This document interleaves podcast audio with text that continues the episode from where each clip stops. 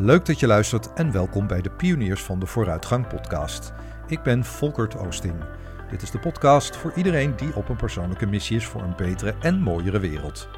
Hier hoor je regelmatig gasten die openhartig vertellen over hun ideale wereld. Van moedige wereldverbeteraars, bruggenbouwers, dwarsdenkers, tegendraadse pioniers tot andere passievolle professionals. Ze delen hun persoonlijke inzichten en ervaringen met je. En uiteraard doe ik dat ook zelf over wat mij bezighoudt in mijn persoonlijke missie. Namelijk dat Nederland weer het ruimdenkendste en tolerantste land van de wereld wordt. Leuk dat je weer luistert. Wat doe jij als je het echt even niet weet? Houd je dat voor jezelf of twijfel en mijmer je juist hardop? Mijn gast in deze aflevering gelooft in hardop worstelen, zoals het zelf zegt. Ze heeft iets met het blootleggen van de waarheid. Als kind al ontmaskerde ze Sinterklaas als eerste van haar klasgenoten. En dat eeuwig willen weten hoe dingen echt zitten is altijd gebleven. En het heeft volgens haar iets te maken met haar Joodse achtergrond.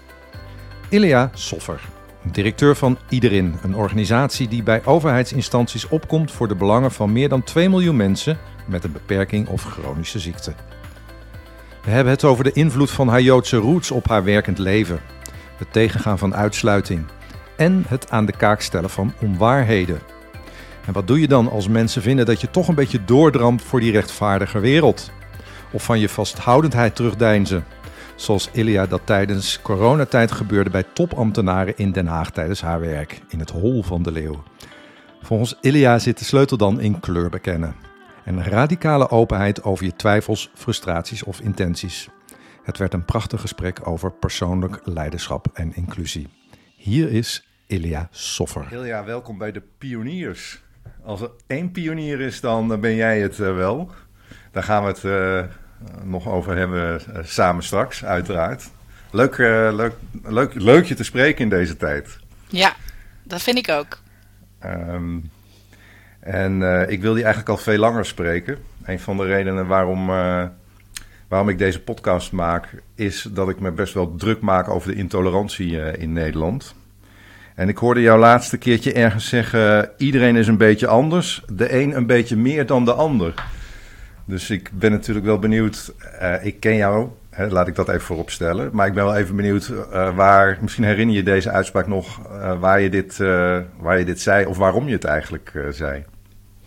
Nou, ik weet niet meer precies waar ik het zei, maar waar ik al een tijd mee bezig ben. Ik ben nu zeven jaar directeur van Iederin.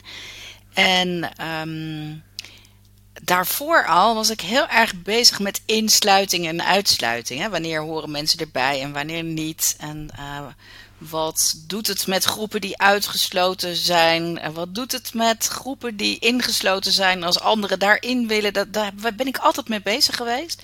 Maar waar ik, de ik heb dan altijd stokpaardjes in het proberen te snappen hoe dat werkt. Dat is, was ook mijn studie, maar die is niet opgehouden.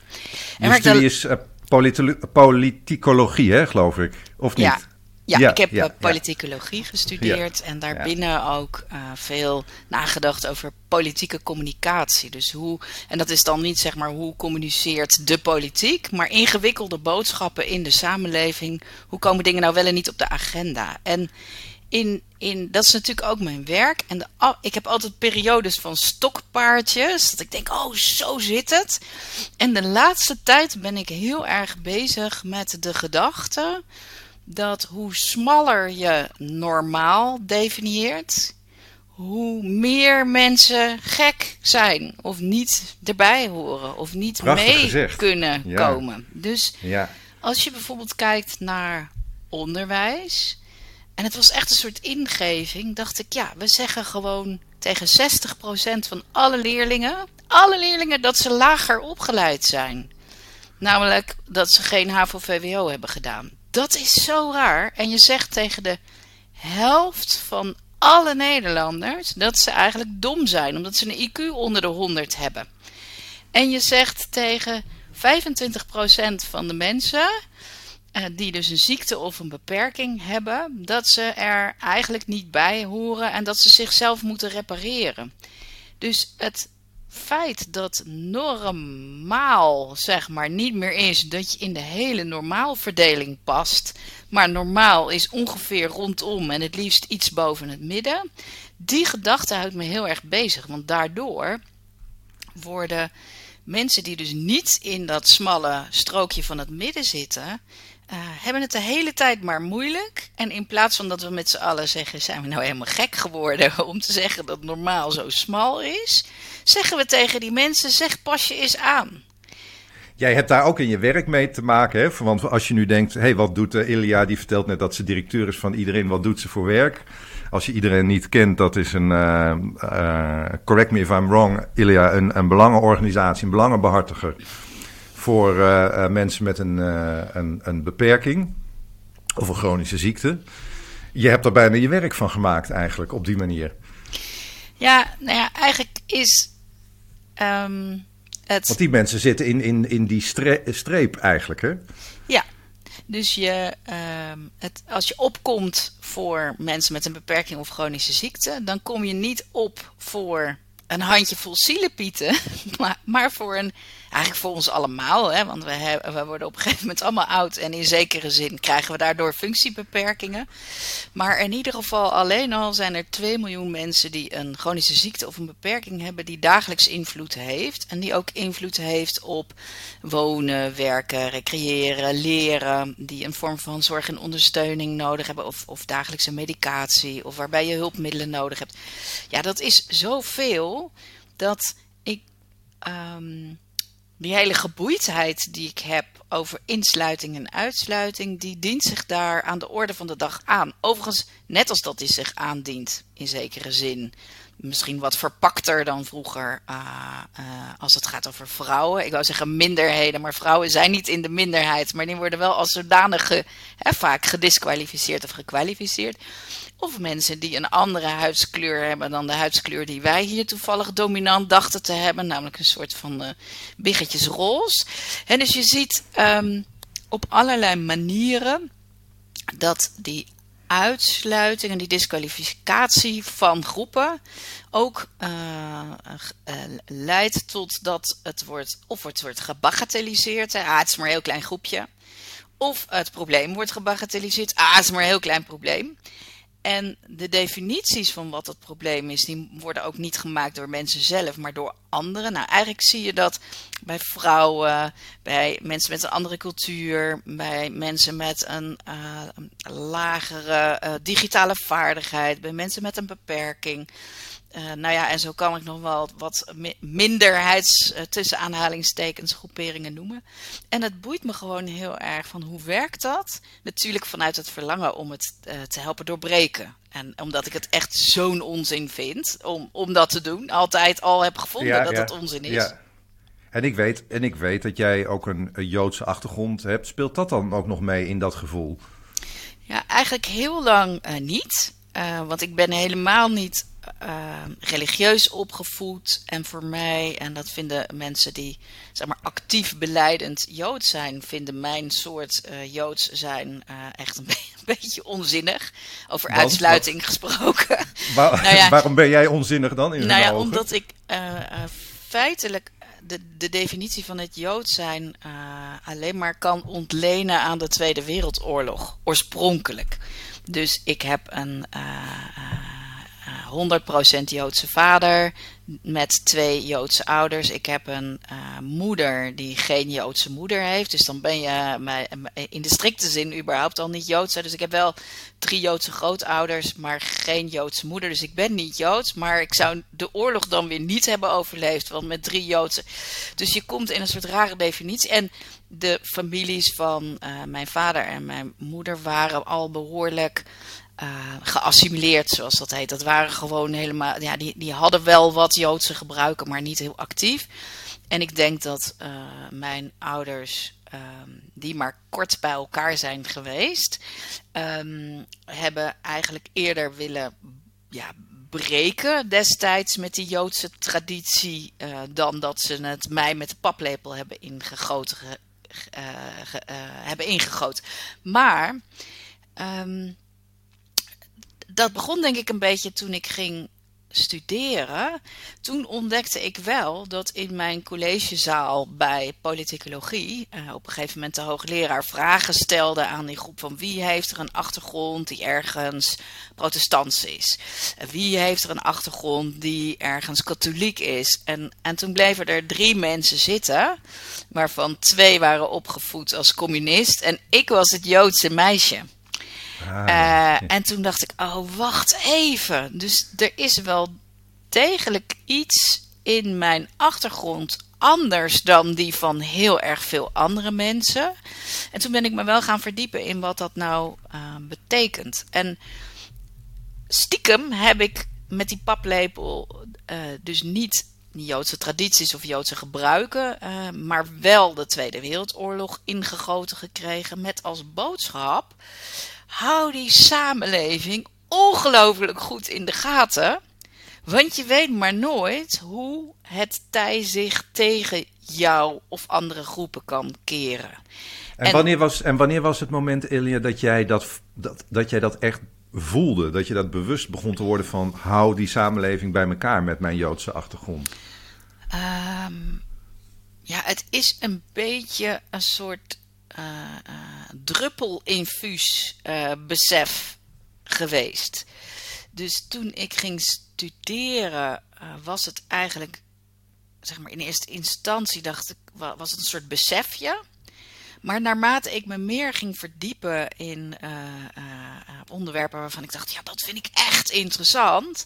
Dat waren allemaal onderwerpen die hierover gingen. Dus dat was uh, de vrouwenbeweging, vluchtelingen die werden uitgesloten of uitgestoten. Dat was uh, ook antisemitisme.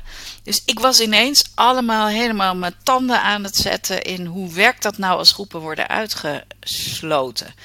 En um, ik begon me denk ik in een soort retrospectief gedurende mijn studie te realiseren van, oh ja, dit is blijkbaar wel een dingetje. Uh, toen heb ik daar heel lang niet, niet zo heel erg acht op geslagen. Behalve dat andere mensen mij wel vaak kwalificeerden als uh, een beetje uh, druk en dramatisch. En dat ook koppelde aan dat ik dan misschien een Joodse roots had. Ik merkte ook wel dat mijn familie, dat zeg maar de, de witte vriendjes die ik meenam, daar, uh, de witte vriendjes als in jongens met, uh, van, van brave katholieke huizen en zo, dat die dat allemaal ook een beetje typisch vond. Dus ik dacht, ja, er zit, ik kan wel blijven ontkennen dat ik hetzelfde ben als iedereen. Maar ik ben natuurlijk toch gewoon ook anders, net als iedereen. En misschien ook wel omdat mijn ouders gescheiden zijn toen ik nul was. En omdat ik zelf een beetje raar, neurderig typeje was als kind met allemaal hele moeilijke vragen. En dat iedereen zoiets had, joh, doe gewoon eens even kind in plaats van uh, vragen. wat wilde je dan weten als kind, uh, Ilja? Alles. Alles. De, de, het universum. Alles. En het is ook niet gestopt. Dus mijn, mijn eerste rijinstructeur, autorijinstructeur, die heeft mij gewoon uit de auto gezet. Omdat ik niet ophield om te vragen hoe de motor van een auto werkte. Omdat ik dacht, als ik moet leren autorijden, moet ik wel snappen hoe die auto werkt. Die man had zoiets van, hou op, ga naar de autovakschool. Maar dit is je rijles. En ik dacht, ja, maar ik moet toch weten wat er gebeurt als je je koppeling laat opkomen en wat gebeurt er dan als jij, als jij het niet snapt? Als, als, want ja, je komt dan heel veel dingen. Je kunt niet alles snappen natuurlijk. Nee, dat is ook zo. Uh, ik denk dat die, uh, die, die paplepel van uh, let goed op, gebruik je hersens, wees kritisch, stel vragen. neem geen genoegen met platte antwoorden die niet kloppen. Doe onderzoek die paplepel die is zeg maar, dat is gewoon mijn, mijn moeder en mijn vader die zo in elkaar zitten. Maar ik leer steeds meer ook over het Jodendom. Het is dus dat, dat eeuwige uh, leren, dat lernen, dat is ontzettend Joods. Dus uh, de uh, rabbijn die ik ken via een, mijn moeder, die later bij een vrijzinnige Joodse gemeente uiteindelijk is aangesloten geweest. Zij vindt mij in mijn manier van denken en zoeken enorm joods. Want zij, zij, zij, vindt, zij ziet in mij zeg maar, de lastpak die pas stopt met moeilijk doen als het een beetje klopt. Het is nog net geen rebels. Ja, het is, zo, het is in, ja, maar het is niet bedoeld als rebel. Hè? Dus, dus ik heb daar veel misverstanden ook over gehad in mijn schooltijd. En eigenlijk nog steeds ook wel als ik met het ministerie van VWS praat. Dat mensen denken dat ik wil rellen. Maar dat is niet zo. Ik wil, ik wil het begrijpen en ik wil heel graag dat het goed, uh, goed komt. Dat het mooi gebeurt. Ik ben ons eigenlijk enorm uh, normatief over dat je dingen op een schone, juiste en goede manier moet doen. En ik, ik ben dus heel erg op zoek naar wat is dan juist en wat is dan schoon en wat is dan goed. Um, even in, in antwoord op jouw vraag, wat gebeurt er dan als je het niet snapt? Uh, als, ik niet, als ik het niet snap, dan kan ik wel wat ont, ontregeld raken of zo. Uh, dat ik. Uh, uh, niet kan stoppen met, met, met, met, met doorzoeken. Of met dus, dus ik word een beetje mono. Ik ga een beetje in hyperfocus.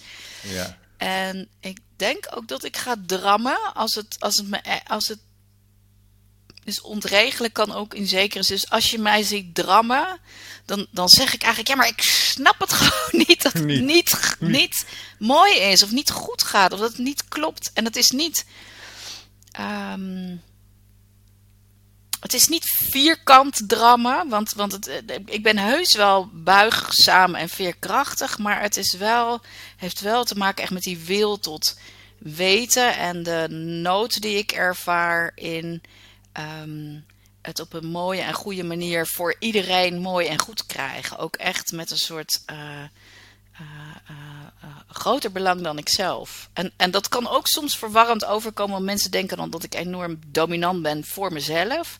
Maar ik ben uiteindelijk eigenlijk altijd meer gefocust op het vraagstuk dan op mezelf. Maar, maar en, wat, en wat is dan voor jou, uh, Ilja, dat grotere belang eigenlijk? Uh, want we zitten, we zitten ook een beetje in onze podcast, hè, de, voor en door pioniers. Uh, ja, uh, nou, ik geloof, ik geloof wel. Um, ja, dat, dat wordt inmiddels een beetje een soort anekdote over mezelf die mij uh, ten voeten uittypeert. Is dat ik uh, veel te jong aan iedereen heb verteld dat Sinterklaas niet bestaat. Oh, want dat had ik door. Want ik ging alles onderzoeken. Nou, die baard die was niet echt. En dus ik had veel te jong door dat Sinterklaas uh, gewoon uh, een, nou ja, niet, niet Sinterklaas was zoals wij dat als kinderen uh, moesten geloven.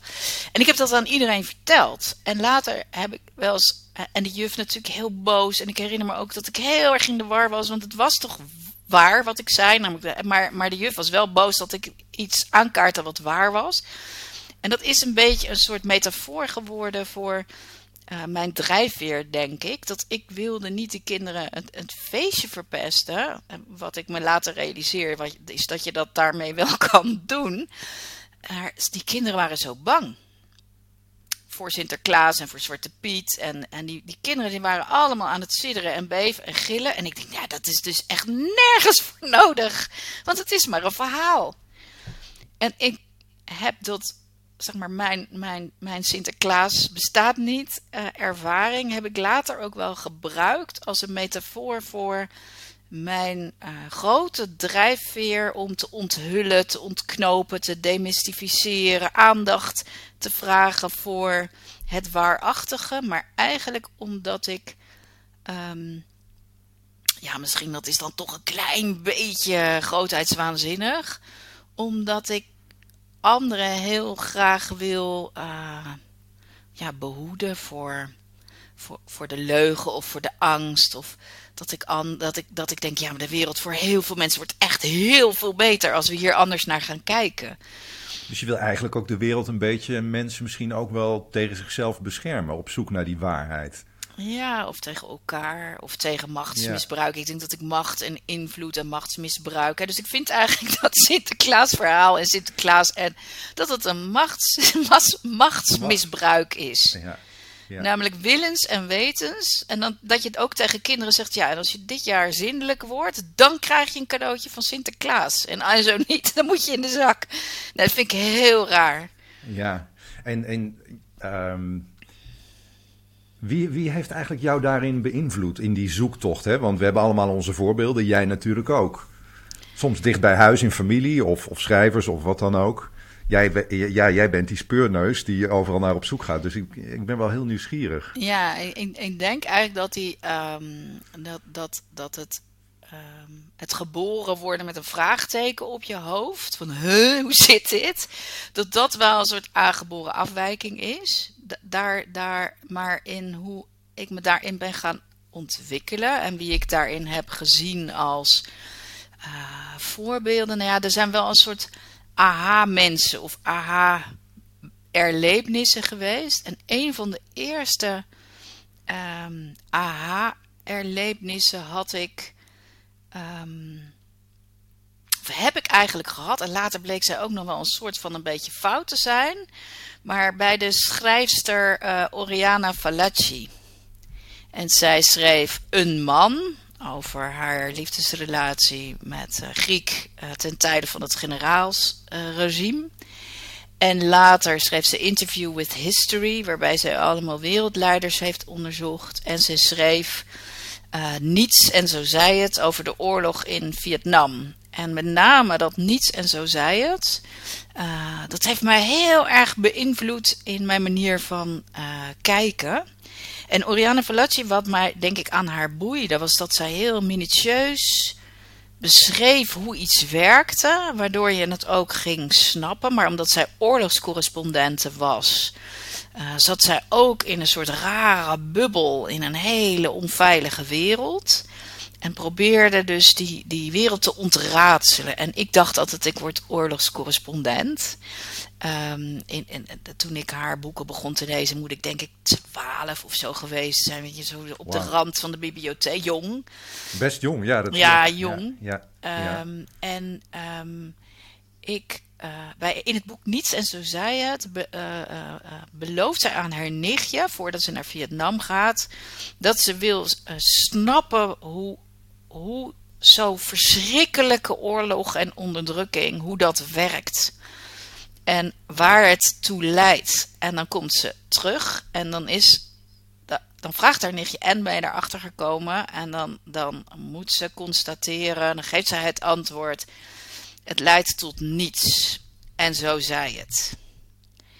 En uh, overigens, in dat boek is ze de hele tijd ontsnapt ze aan de dood. Uh, in Vietnam. En dan komt ze in uh, Amerika en dan is ze bijna, komt ze om bij een bomaanslag waar ze dan even een, een, een binnenlands klusje moet doen. Um, zij heeft mij enorm getriggerd in dat ik dacht: oh, maar er zijn meer mensen die willen weten hoe die, ja, die war out there, die oorlog, hoe dat werkt. En die het willen ontraadselen. En die ook wel een soort honger hebben om, het, om erin te zitten. Dus dat in het systeem snappen hoe iets heftigs werkt, dat, dat, daarin is Oriana Fallaci, denk ik, een belangrijk voorbeeld voor mij. Ik heb ook wel eens over mezelf gezegd. Ik hou uiteindelijk heel erg van het hol van de leeuw. Misschien is zij daar ook wel een voorbeeld ah, van. Want, je, want hoe, hoe, hoe is dat dan, dat hol van de leeuw? Ja, voor mij is denk ik. Ja, dat is dan wel een soort van onthulling. Ik heb altijd enorm. Uh, mijn werk ging altijd in het publieke domein gehad. En ook altijd bij, bij uh, taaie vraagstukken van de overheid in relatie tot uh, burgers of stakeholders. En ik herinner mij dat mijn eerste werk, ik heb een aantal jaar in een communicatieadviesbureau gewerkt. Dat was een soort proefdra proefdraaien. Daarna heb ik tien jaar voor mezelf gewerkt.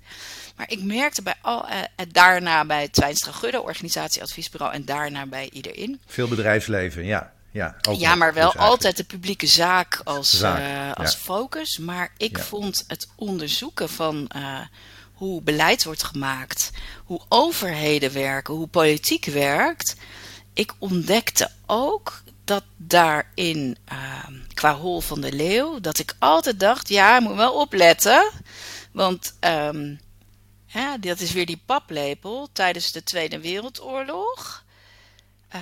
Hebben al deze mensen, al dit soort mensen, er uiteindelijk allemaal voor gekozen om toe te staan dat een bepaalde groep werd uitgesloten, namelijk de groep waar mijn achtergrond in zit.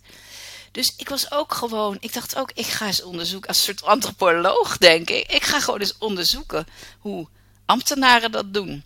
Of uh, hoe uitvoeringsorganisaties dat doen. Dus de het vuur waarmee bijvoorbeeld Pieter Omtzigt de toeslagenaffaire samen met Renske Leijten heeft ontraadseld en ont, onthutst en ontfutseld. Uh, dat, dat vuur, dat herken ik ook als mijn vuur om te ontraadselen hoe het gebeurt. En het, is heerlijk, het is heerlijk om in het hol van de leeuw te zitten, omdat je juist daar kunt ontraadselen en ook die verantwoordelijkheid voelt. Ja, en tegelijkertijd heb ik heel. Dat, dat is wel gesleten, want joh, ik ben nu begin 50, dus het moet ook een keer, ophouden om te, om, om te blijven. Uh, uh, nou ja, uh, hoe moet je dat zeggen? Moeilijk doen over je achtergrond of zo. Het is gewoon wat het is. Het is maar, maar ik herinner me wel dat ik een aantal ervaringen heb bij grote overheidsopdrachten. Uh, zo heb ik wel eens een project gedaan uh, voor een. Ja, ik moet een beetje algemeen houden. Laten we zeggen voor een overheidsacademie. Waarbij eh, het onderzoek dat we deden uiteindelijk werd verboden en gedisqualificeerd. Omdat wat erin stond nou echt niet welgevallig was. Um, en dat heb ik nog wel een paar keer gehad. Dat, dat, en toen dacht ik, ja, ja, ja, ja, ja. En, en dan hoorde ik mijn moeder, die inmiddels niet meer leeft, maar mijn moeder zei altijd: uh, Nou, bij uh, die persoon moet je dus niet willen onderduiken. Ja, ja, dus, die stem gaat dan mee. Die, die stem die reist wel mee. Van deugt het of deugt het niet? Ik denk dat, dat veel van mijn hol van de leeuw dingen uh, ook, ook gaan over deugt het, deugt het niet. Hoe, hoe zijn deze mensen uh, uh, hebben ze een eigen mening? Worden ze heel erg beïnvloed door de cultuur? Ik denk dat ik daarom ook zo'n passie heb voor voor, voor de puzzels van uitvoeringsorganisaties, waarin allemaal mooie professionals werken, die allemaal eigenlijk het beste willen voor een uitkeringsgerechtigde of een uh, persoon op zoek naar werk of um, nou ja, de, het, de administratie van, uh, van mensen met, uh, uh, met een AOW'tje of zo. Die mensen ja, want allemaal... daar heb je voor de, als je nu denkt van uitvoeringsorganisaties, hoe zit dat? Daar heb jij natuurlijk in je werk als directeur heb ik heel, veel mee te maken. Mee te maken voor iedereen. Er zijn meer dan 2 miljoen, hè, is het geloof ik, Ilja, mensen ja. met een beperking of een chronische ziekte. En jij Jij komt heel veel op ministeries, uh, in uitvoeringsorganisaties. Nou, ik ken ze niet allemaal uit mijn hoofd, maar ik, ik denk maar wel. Nou, je hebt het CAK, uh, dat is voor de eigen bijdrage. En het UWV ja. voor, je, voor je geld. Ja. En de gemeente inmiddels ook voor van alles en nog wat. En de Sociale Verzekeringsbank. En nou ja, al dat soort organisaties. Daar werken dus een soort semi-ambtenaren. De Belastingdienst is ook een uitvoeringsorganisatie. Er werken allemaal uh, mooie professionals en die moeten beleid uitvoeren. En mijn puzzel, en, en dat heb ik eigenlijk altijd gehad, is als je nou iets moet uitvoeren waar je niet achter staat. Wat gebeurt er dan met die professional? En hoe kan die professional dan zijn ei kwijt of in protest komen? Of moet die professional dan het veld ruimen? En in het beleid voor mensen met een beperking of chronische ziekte kom je heel vaak tegen dat mensen beleid moeten uitvoeren wat ze eigenlijk ook niet vinden kloppen. Dus een belastingregeling die eigenlijk niet erg vriendelijk is. Of een bijstandsuitkering die gekort wordt terwijl iemand toch al niks heeft, bovendien in een rolstoel zit, dus echt niet even een baan gaat vinden nu. Uh, en dan is mijn onderzoeksbiasje in hè, wat en wie heeft je nou beïnvloed. Altijd van nou, dit is dus een soort hol van de leeuw. Je zitten mensen die doen wat ze worden opgedragen. Als je eraan gaat schudden, zit er dan nog een hart in of is het een soort bureaucratische machine geworden? En dan is misschien het stemmetje van mijn moeder van uh, zijn dit mensen waarbij je zou kunnen onderduiken. He, gaan ze voor je door het vuur of gaan ze je laten stikken? Doen ze de deur voor je dicht? En, en zo, ja, dat is natuurlijk toch een afwijking als je zo uh, kijkt. Um, want, je zegt, nou, of want, ik, uh, dat is een afwijking. Ja. En je zit, je zit in dat hol van de leeuw met die afwijking. Het is super kikker om de waarheid te ontfutselen. Ja. Hoe zit het echt? Hoe denken mensen? Maar dat is nog iets anders dan uh, vervolgens uh, in jouw werk natuurlijk ook niet onbelangrijk. Dat je het het liefst natuurlijk ook wil oplossen. Ja. Dat je iets, het, het verschil wil maken. Ja. Maar je zei daar straks geloof ik ook zoiets van ja, met de, met de oorlogscorrespondent. Je kunt, ja, je kunt, kunt het verhaal brengen in een oorlogsgebied, maar je lost de oorlog daarmee niet op. Nee, nee dus dat is. Um Nou, maar misschien is de parallel met die oorlogscorrespondent. Hè, die, die Oriana Fallaci was dan mijn, mijn eerste heldin. Misschien. En later moest ik daar allemaal nuances op aanbrengen. Maar goed. Um, uh, die oorlogscorrespondent die uh, doet verslag en die onderzoekt van wat er in dat conflict gebeurt. En die vertelt daarover in andere werelden. In de hoop, in de veronderstelling dat die andere werelden zich daar iets van aantrekken. En in die andere werelden iets van weerstand ontstaat tegen die situatie tegen de oorlog in Vietnam of tegen de uitsluiting van mensen met een beperking. Dus ik denk uiteindelijk dat ik dat hol van de leeuw, wat ik meeneem uit dat hol van de leeuw en probeer om te zetten samen met heel veel andere mensen, ook is dat ik probeer om uh, het woord dat heel lang verboden was, maar wat langzaam weer mag worden gezegd, een soort tegenmacht te mobiliseren tegen dat beleid of die praktijk waarvan ik denk, ja, dat is uh, onrechtvaardig. En waarvan ik dat niet in mijn eentje zit te denken, want het is geen particuliere hobby, maar waar, waar uh, van bijvoorbeeld ook mensenrechtelijk gezien bewezen is dat het niet kan. Dat het gewoon in, in strijd is met de grondwet. Ook al hebben we niks om die grondwet uiteindelijk mee te verzilveren. Maar als, als de grondhandicap in de grondwet komt, en dat gaat die gelukkig komen, dan, da, dan betekent dus dat het uitsluiten en discrimineren en op achterstand stellen van bepaalde groepen verboden is. Nou valt me op, uh, Ilja, dat, dat uh, want je hebt nu over dat hele systeem in Den Haag en zo. En uh, jij bent nu inmiddels, als ik het goed heb, ongeveer zeven jaar bezig als directeur bij iedereen. Ja. Voor al die 2 miljoen, meer dan die 2 miljoen Nederlanders. Um, nou, zoals ik je nu ook hoor praten, de, ik voel de bevlogenheid. Maar het mhm. valt mij ook op dat je de laatste tijd ook best wel open bent over dat je dat ook wel veel energie kost. Sterker nog, ik geloof dat je laatst ontplofte ongeveer op een ministerie met de uitbraak van corona. Uh, hoe, hoe ja, hoe doe je dat? Waar blijf je al die energie vandaan halen om maar in het hol van de leeuw door te gaan en door te gaan en door te gaan? Ja, ik denk dat um, uiteindelijk heb ik um, ergens, um, nou, ik denk ongeveer een, misschien een week of zes geleden of zo, heb ik een soort, het was, ja, nou, ik moet misschien even terug. Ik ben iemand die heel erg bouwt en steunt en stoelt in onze achterbannen. In, gewoon in echte mensenverhalen. Ik heb zelf ook een zoon met een beperking. En het is niet zo dat ik. Uh, die woont in een zorginstelling, dus dat is, dat is een, een jongen met Down-syndroom die, die echt veel begeleiding nodig heeft. Um, het is niet zo dat ik dit allemaal voor hem doe, maar het is wel zo dat mijn ervaringsdeskundigheid maakt dat ik altijd mijn anker heb in de verhalen van mensen. En niet N is één, hè, N is Ilja met een zoon met Down. Nee, alle meldingen, alle onderzoeken, alle panels, alle social media. Wij, wij scannen echt alles en we hebben meldpunten en al die verhalen van die mensen. Die, uh, dat is mijn anker. En met die verhalen voel ik me natuurlijk ontzettend verantwoordelijk. Dan heb ik een, een, een, nou ja, zeg maar een rugzak vol verhalen van mensen en signalen van mensen. En die probeer ik te agenderen.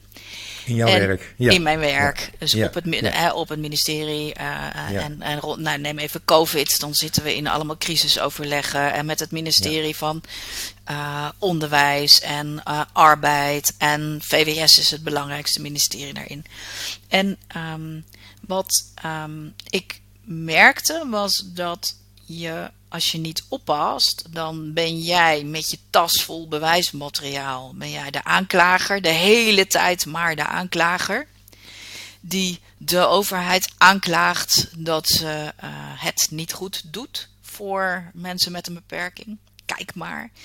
En de overheid uh, uh, is in plaats van de redder van die kwetsbare mensen dan een soort dader. En ik, ik merkte dat, dat in, dat in dat eindeloze aangeklaag, dat ik daar heel veel energie op verloor. En dat dat ook best wel relaties soms op spanning brengt.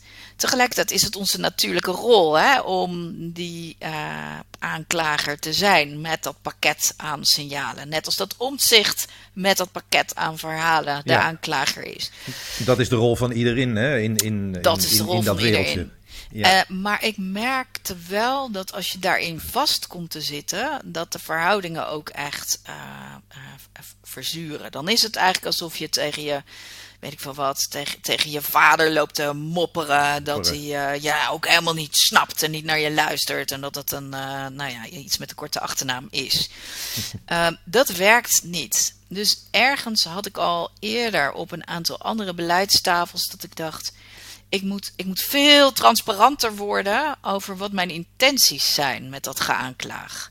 Hoe en bedoel ze- je dat? Ja, weet je, dus het lijkt alsof ik de hele tijd boos ben en ontevreden en zeur en mopper. En die mensen daar op die ministeries, die hebben ook, nou, die werken ook snoeihard. Dus ehm, door de hele tijd te zeggen, jullie doen het niet goed, jullie doen het niet goed, jullie doen het niet goed, ontstaat er natuurlijk niet iets constructiefs. Dus wat ik ergens onderweg, en zeker in die crisis, merkte, en ik weet dat wel uit ander werk, maar ik moest het hierin ook wel ontdekken, is dat het helpt om uh, even je hoofd te buigen en te zeggen: Ik ben zo gefrustreerd over onze handelingsverlegenheid. Dat ik ervan ga blaffen tegen jullie. En dat is niet de bedoeling. En ik blaf ook niet tegen jullie, maar ik blaf eigenlijk tegen iets wat we met elkaar niet in beweging krijgen. En mijn machteloosheid maakt mij onhebbelijk of zo. Hè? Dat zou dan de samenvatting kunnen zijn.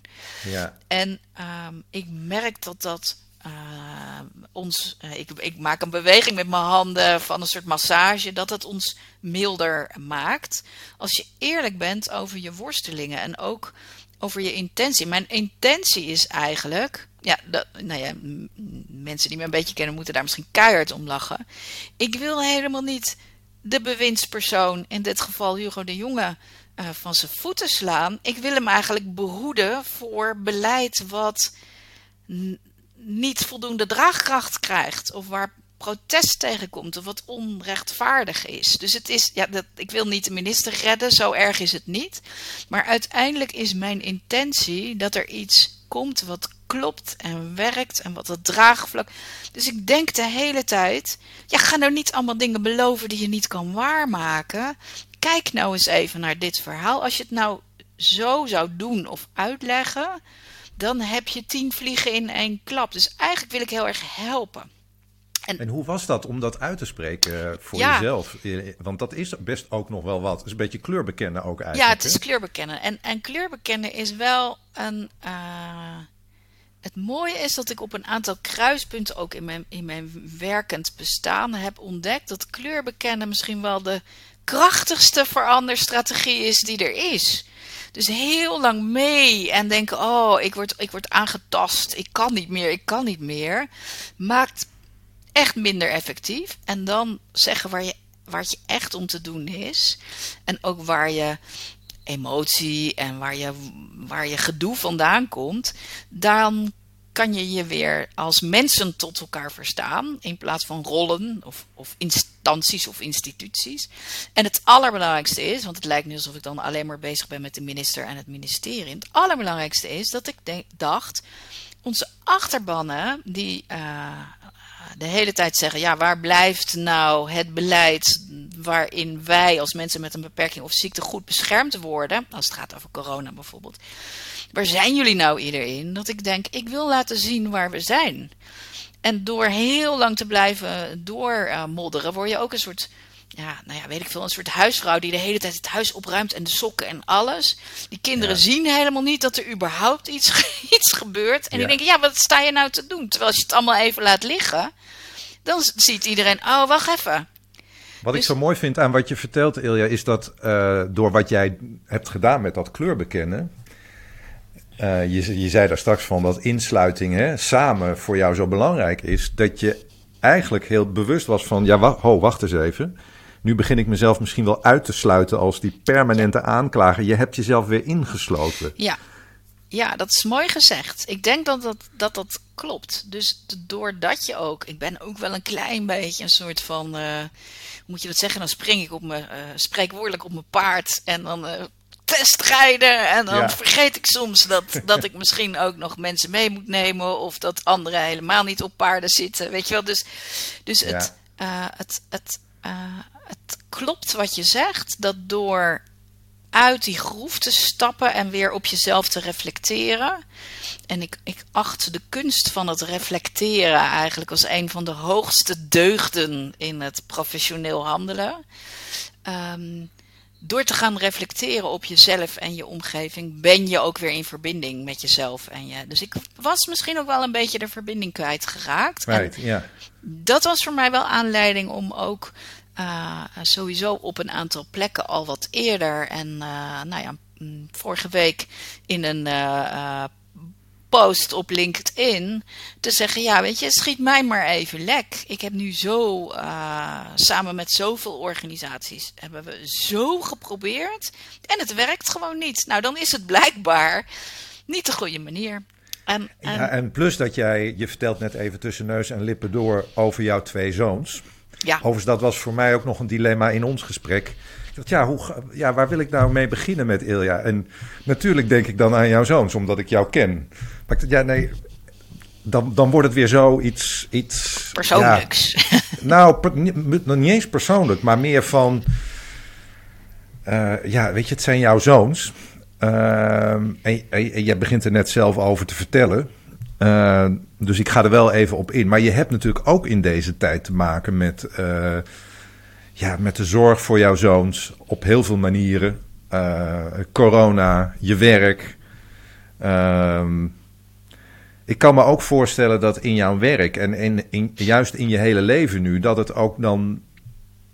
ja, dat je misschien ook wel soms af en toe een beetje op een soort van autopilot raakt om, om alles, alle ballen in de lucht te houden. Uh, ja, ik, ik denk dat, dat, dat, dat weet ik niet helemaal. De autopilot. Um, ja, het zou zo kunnen zijn als, als mijn automatische piloot is.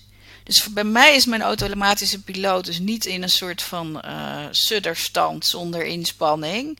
Maar mijn auto automatische piloot, nou eigenlijk als dingen moeilijk worden, ga ik uh, op een hogere versnelling. En als het, uh, nou om maar even in de metafoor te blijven, want ik hou van metaforen. um, als, het, uh, als het dus als de ondergrond moeizaam wordt, ga ik een hogere versnelling gebruiken. En nou ja, we weten allemaal dat als de ondergrond dan echt rul en taai is, dat je geen meter vooruit komt. En mijn automatische piloot is soms wel om te hard, te, te lang op een te hoge versnelling te zitten en niet terug te schakelen. En eigenlijk is natuurlijk het, het, het stomme dat terugschakelen is de enige manier om dan weer een aangrijpingspunt te krijgen. En soms heb je dan, nou ja, met je auto of zo heb je dan een plankje nodig om er even, hè, of een zetje. In dit geval um, is. Uh, nee, het is niet zo dat, dat het zo vol en veel is dat ik niet meer nadenk. Maar het is wel zo dat als het taai wordt, dat ik geneigd ben om harder te gaan in plaats van terug te schakelen. En soms is harder gaan is blijkbaar heel effectief, want anders zou ik het niet nog steeds doen. Maar uh, uh, soms moet je ook terugschakelen of gewoon de, je spreekwoordelijke de boel aan de kant zetten en even eh, gaan zitten. En dat is begint een... dat, en begint dat bij jou nu ook wel een soort van het klinkt als een verandering. Zo ook dat corona als het ware jou in die tweede versnelling, of derde, uh, tweede, van de derde tweede versnelling heeft gezet. Om in jouw metaforen te blijven. Jij bent trouwens een enorme taalliefhebber. Dat vind ik altijd heel erg ja, leuk. Heerlijk. Enorme, ja, geen purist mensen, maar wel een enorme taalliefhebber. Um, is dat ook een soort van definitieve verandering in jouw leven? Uh, nu corona zeg maar wat langer duurt ook. Je vertelde net uh, toen de knop nog uitstond van dat je ook een paard hebt uh, gekocht in corona. Nou ja, paardrijden. Ik ben geen paardrijder, jij wel. Ik ben heel benieuwd hoe dat is. Dat moet je natuurlijk ook heel erg in je lijf zitten en in het hier en nu. Dus het klinkt alsof er ook wel een soort van verandering in jouzelf aan het ontstaan is. Ja, het, het, leuke is dat eigenlijk die inzichten, hè, van als het heel taai wordt of als je vastloopt, dat je gewoon uh, uh, even terug moet schakelen. Ehm, die inzichten die heb ik heus wel in eerdere fasen van mijn leven al, uh, al, al lang zien komen. Uh, dus ik ben in 2009 een, een tijdje, nou, nou, zeg maar net niet burn-out geweest. Nou, daar, was de, daar heb ik echt als, als uh, ontzettend geleerd om terug te schakelen. En ook om uit die hyperfocus te komen. ik noem dat hyperfocus. Misschien is dat ik denk dat ik, uh, als ik op de middelbare school uh, had gezeten nu, dan was ik vast gediagnosticeerd met ADHD of zo, hè, qua hoeveelheden energie en. Uh, en, en en, oh ja. um, nou ja, en die hyperfocus is voor mij ook een manier om, om, om enorm mijn concentratie en mijn aandacht erbij te houden. Maar het grappige is dat de, de, in 2009, toen zei de bedrijfsarts toen tegen mij je moet iets ontdekken waarbij je uh, helemaal in het hier en nu kan zijn. En misschien heb je dat al ooit eerder in je leven gehad. Probeer eens terug te denken. Nou, er zijn eigenlijk twee dingen waarbij ik volledig in mijn herinnering in het hier en nu was. Dat was als jong meisje bij de paarden. Dagenlang tussen paarden. En dat was uh, tekenen en schilderen. Tekenen en schilderen, uh, daar toen, in 2009, heb ik ervoor gekozen om de afslag paarden te nemen. Dus ik was een herintredend paardenmeisje. En ik ben vanaf 2009 weer gaan paardrijden, jarenlang bij manege. Uiteindelijk vond ik dat hele fenomeen manege toch te ingewikkeld. En toen heb ik een jaar een paard bijgereden. En toen kwam corona en toen werd alles anders. En toen heb ik in overleg met degene eh, van wie ik het paardje bijreed.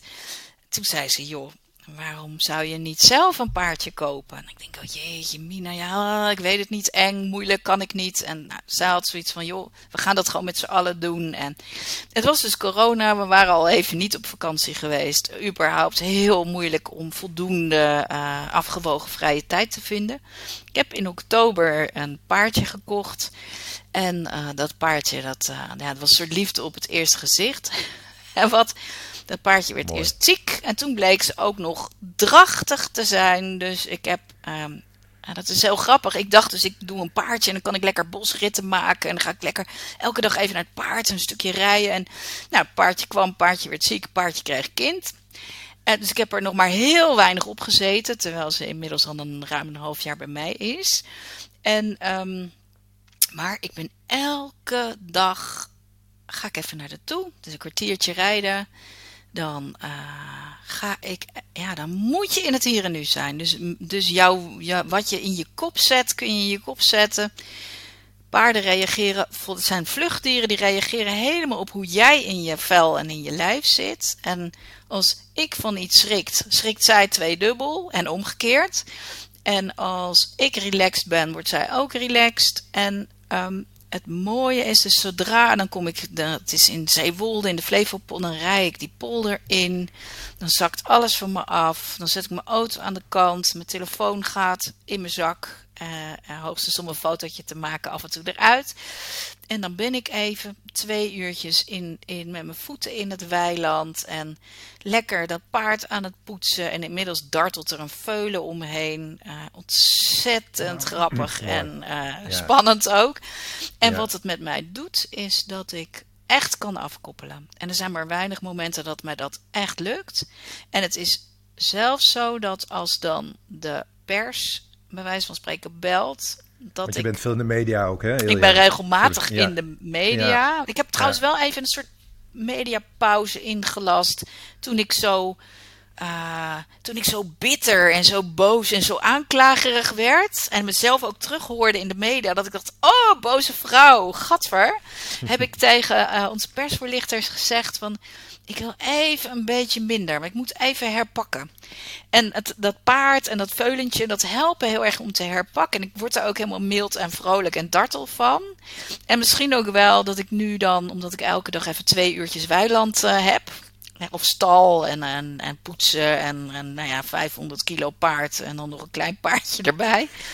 dat ik... Um, dat ik uh, beter, ik ga echt wel beter in mijn vel zitten. En die corona maakt ook wat uh, smalletjes, zeg maar, in je bubbel en, in je koken. Precies. En wat, ik, uh, wat, wat we allemaal natuurlijk hebben op dat soort verstilde momenten, als jij afkoppelt, zoals jij het zegt, dan heb, hebben wij vaak als mensen ook nieuwe inzichten. Hè? Ik hoorde jou laatst volgens mij ook ergens zeggen van. Uh, uh, goed leiderschap voor jezelf als mens is ook het toegeven dat niet alles te fixen is met een pleister. Zijn dat soort inzichten ook de inzichten die dan op jouw paard of in de wei of, ja. uh, ontstaan? Ja, ja, ja, want het grappige is dat, dat bij. Um moet je dat zeggen? Misschien is het ook wel iets met bijna hoe we zijn opgevoed en opgeleid. In ieder geval mijn generatie. Als je maar wil, dan lukt het. En ook iets met succes is je eigen verdienste en, en falen is dat dus ook, of zo. Um, in ieder geval dat, dat er heel erg een cultuur ook is geweest, ook in, in je werk dat uh, je best doen, dat dat uh, ongeveer de belangrijkste munt is die je in je eigen machine kan gooien. En dat is ook wel een beetje mijn paplepel. En uh, ik ontdek steeds meer, en dat, dat weet ik wel met mijn hoofd, maar ik moest het weer even voelen, dat een leider zijn uh, niet is dat je je wil en je best doen eronder zet. Want eigenlijk maak je het daarmee ook best wel een beetje strak allemaal. Maar dat gewoon ja, in het hier en nu inspelen op wat er is. En toegeven waar je staat. En stoppen als je denkt dat het zinloos is. Dat je dat hardop doen eigenlijk misschien wel de essentie is van leiderschap. En het mooie is bij een paard dat ik heb geleerd. Kijk, als je op de manege komt, dan heb je een uurtje les. Dan kom je daar naartoe, dan pak je dat paard en dan ga je je ding doen. Maar met dat eigen paard heb ik veel meer leren zien. Ook, ook door dat bijrijdpaard, wat een heel gevoelig paardje was. Dat als je komt en het paard zit niet goed in zijn vel. Ja, ga lekker de boom in met je eigen wil, want het wordt niet wat. En je kan zelfs jezelf in gevaar brengen. Als het paard gewoon heel opgefokt is omdat het waait, bijvoorbeeld. Ja, dan kan je wel zeggen, ik wil per se een bosrit maken. Maar je kan ook zeggen, nou, ik ga even lekker knuffelen, poetsen. Ik geef hem iets lekkers en ik ga weer naar huis. Dat afstemmen op wat er is en daarin keuzes maken die niet gebaseerd zijn op wat je in je kop hebt, maar met wat zich voor jouw ogen aandient. En daar transparant in zijn. Ik denk wel dat ik door nu zo uh, anderhalf jaar heel intensief ook als enige uitje te hebben het paard. Uh, dat ik daarvan leer en probeer te reflecteren ook in mijn werk. Van ja, ik zit hier met mijn wil een hoop energie te verbranden. Dat is eigenlijk zonde. Als ik kijk naar wat er is. Hè, als bij wijze van spreken Hugo de Jonge mijn paard zou zijn. Dan zou ik denken, nou zet hem maar even in de wei een weekje. Want ik denk niet dat het zin heeft om hem de hele tijd daaraan te gaan zitten trekken. Mooi beeld, mooi beeld. Ja, ja. Nou ja, ja, ja, ja. En is dat dan ook, is dat ook wat jou betreft, uh, we, we, zijn een beetje aan het einde van, uh, van onze podcast, Ilja, is dat dan ook um, wat jou betreft een heel mooi recept um, om succesvol te pionieren? Jij pioniert in jouw uh, wereld heel veel. Ja. Is dat het recept? Ja, ik denk als je uh, pioneert, dan uh, doe je dus dingen die nog niet eerder zijn gedaan op terreinen die, nog niet eerder zijn verkend of ontgonnen. Uh, met mensen die nog niet eerder op die manier zich daar hebben verbonden. Hè. Dat is een beetje mijn. En ik denk dat dat in, in ons type vraagstukken van iedereen, maar ook van mijzelf, dat, dat, dat ik wel een soort aangeboren pionier ben. En um, dus doen alsof je het weet en al kunt, uh, dat, dat is uh, over, overmoed. Of hoogmoed misschien. En uh, tegelijkertijd is het wel zo als je pioniert met mensen, dat mensen heel graag willen dat jij het wel weet of zo. Hè? En het is ook niet zo dat ik zeg, oh, ik weet het niet. Als je bij, ah, het is heel grappig als je op een paard zit en, en je wordt heel onzeker, dan merk je onmiddellijk ook aan dat paard dat het onzeker is. Dus je moet niet onzeker zijn over je doel of over je wens of over wie je bent. Maar je mag wel zeggen: Ik weet het even niet. Of God, dit hebben we nog nooit gedaan. Of ik zou wel willen toezeggen dat we overmorgen zijn waar we wilden zijn. Maar ik weet het niet. Mijn intentie is om er over twee dagen te zijn. En mijn intentie is om even een goede tijd te hebben op deze nieuwe plek en eens te kijken waar we staan. En dat hardop worstelen, ik noem het wel eens worstelen of puzzelen. Puzzelen is een leuker woord, maar soms is het ook wel worstelen. Ik zie dat eigenlijk wel als iets wat ik zelf uh, graag doe en waar ik graag eerlijk over ben. En het kan niet altijd en het mag niet altijd, maar ik ontdek dat het heel werkzaam is. En ik vind dat ook in onze politieke en bestuurlijke cultuur anderen dat wat meer zouden mogen doen. Ik denk dat we minder vastgelopen machinerieën en bureaucratieën zouden hebben als bestuurders van uitvoeringsorganisaties of bewindspersonen wat vaker zouden zeggen. Uh, wat jullie aan mij vragen, dat is complex. Ik heb het nog niet eerder zo gedaan. Ik heb er vertrouwen in dat wij het kunnen. En ik ga aangeven waar ik vastloop. En als ik vastloop, dan ben ik niet een loser. Dan ben ik eigenlijk een mooie leider en heb ik een beetje hulp nodig. Dus het heldendom voor openlijk puzzelen, dat mag van mij uh, uh, op de agenda. Mooi.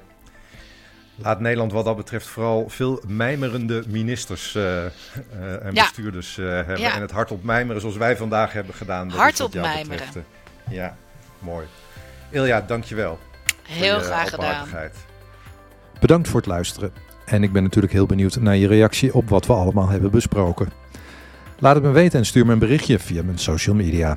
Facebook, LinkedIn of bijvoorbeeld Instagram. En via mijn website kan natuurlijk ook www.volkertroosting.nl. Voor nu wens ik je een hele fijne dag en tot de volgende keer.